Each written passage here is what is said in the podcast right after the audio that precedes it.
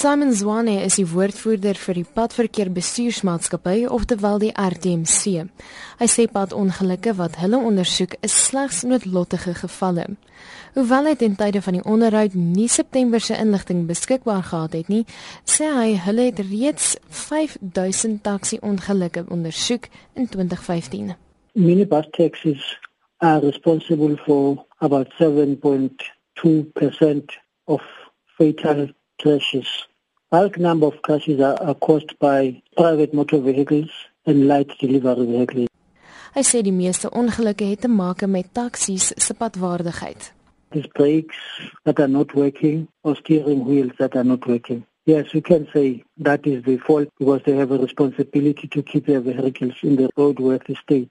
Warner Vermaak, die woordvoerder vir ER24, sê hulle sien gereeld tekens hiervan wanneer hulle op ongelukstonele aankom.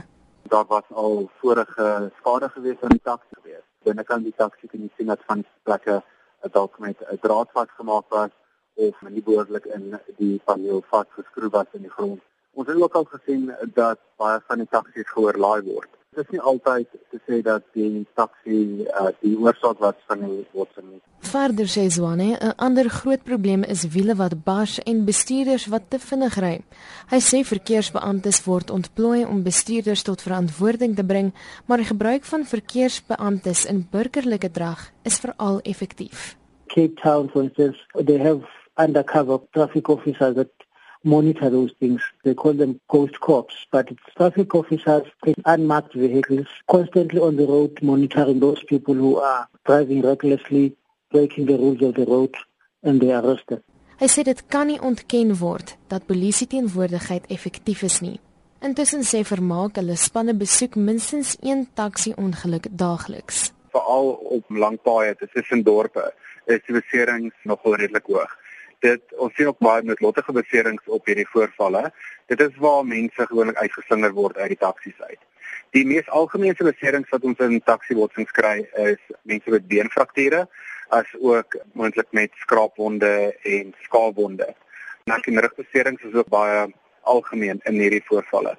Die taksibestuurders en die passasiers wat reg voorsit, kry ons dat hierdie mense baie keer vasgepen word onder die voorstukkie van die taxi en dan ook 'n uh, ernstige been en heupfrakture opdoen. Wanneer dit by misdaad kom, sê die onafhanklike misdaadontleder Christe Kok, daar word nie geklassifiseer waar geweldsmisdade gepleeg word nie. Taxi geweld en moorde en pogings tot moorde Daardie misdaad word nie afsonderlik gehou, daar word nie afsonderlike misdaad syfers daarvoor gehou nie. Wat 'n probleem is want ons kan dus nie bepaal is ons moord nou so oorsaaklik sosiale moorde, is ons moorde nou oorsaaklik taksi geweld, is dit as gevolg van faksie geweld, is dit as gevolg van politieke geweld of xenofobie of wat ook al die geval. Hy sê daar kan wel uit die media afgelei word dat voorvalle van taksi geweld toeneem.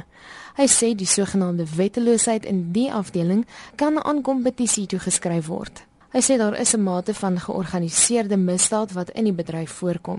Die misdaad wat soms daarmee gepaard gaan, 'n werk eintlik soos georganiseerde misdaad. Ek meen, jy kry ook in die taxi-bedryf eh, wat hulle noem lead squads, spesifieke groepe mense wat dan deur 'n taxi-eienaar betaal word om sien maar van die oppositie bestuurders of van die oppositie uh, taxi-eienaars uh, te elimineer.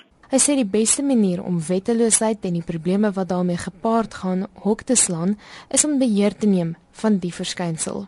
Daar moet regulering wees. Taxi-geweld ontstaan hoofsaaklik uit kompetisie vir roetes en ook op taxi-staanplekke. Dit was 'n onafhanklike misdaadontleder Christe Kok. Ek is Marlene Forsiefer, SABC nuus.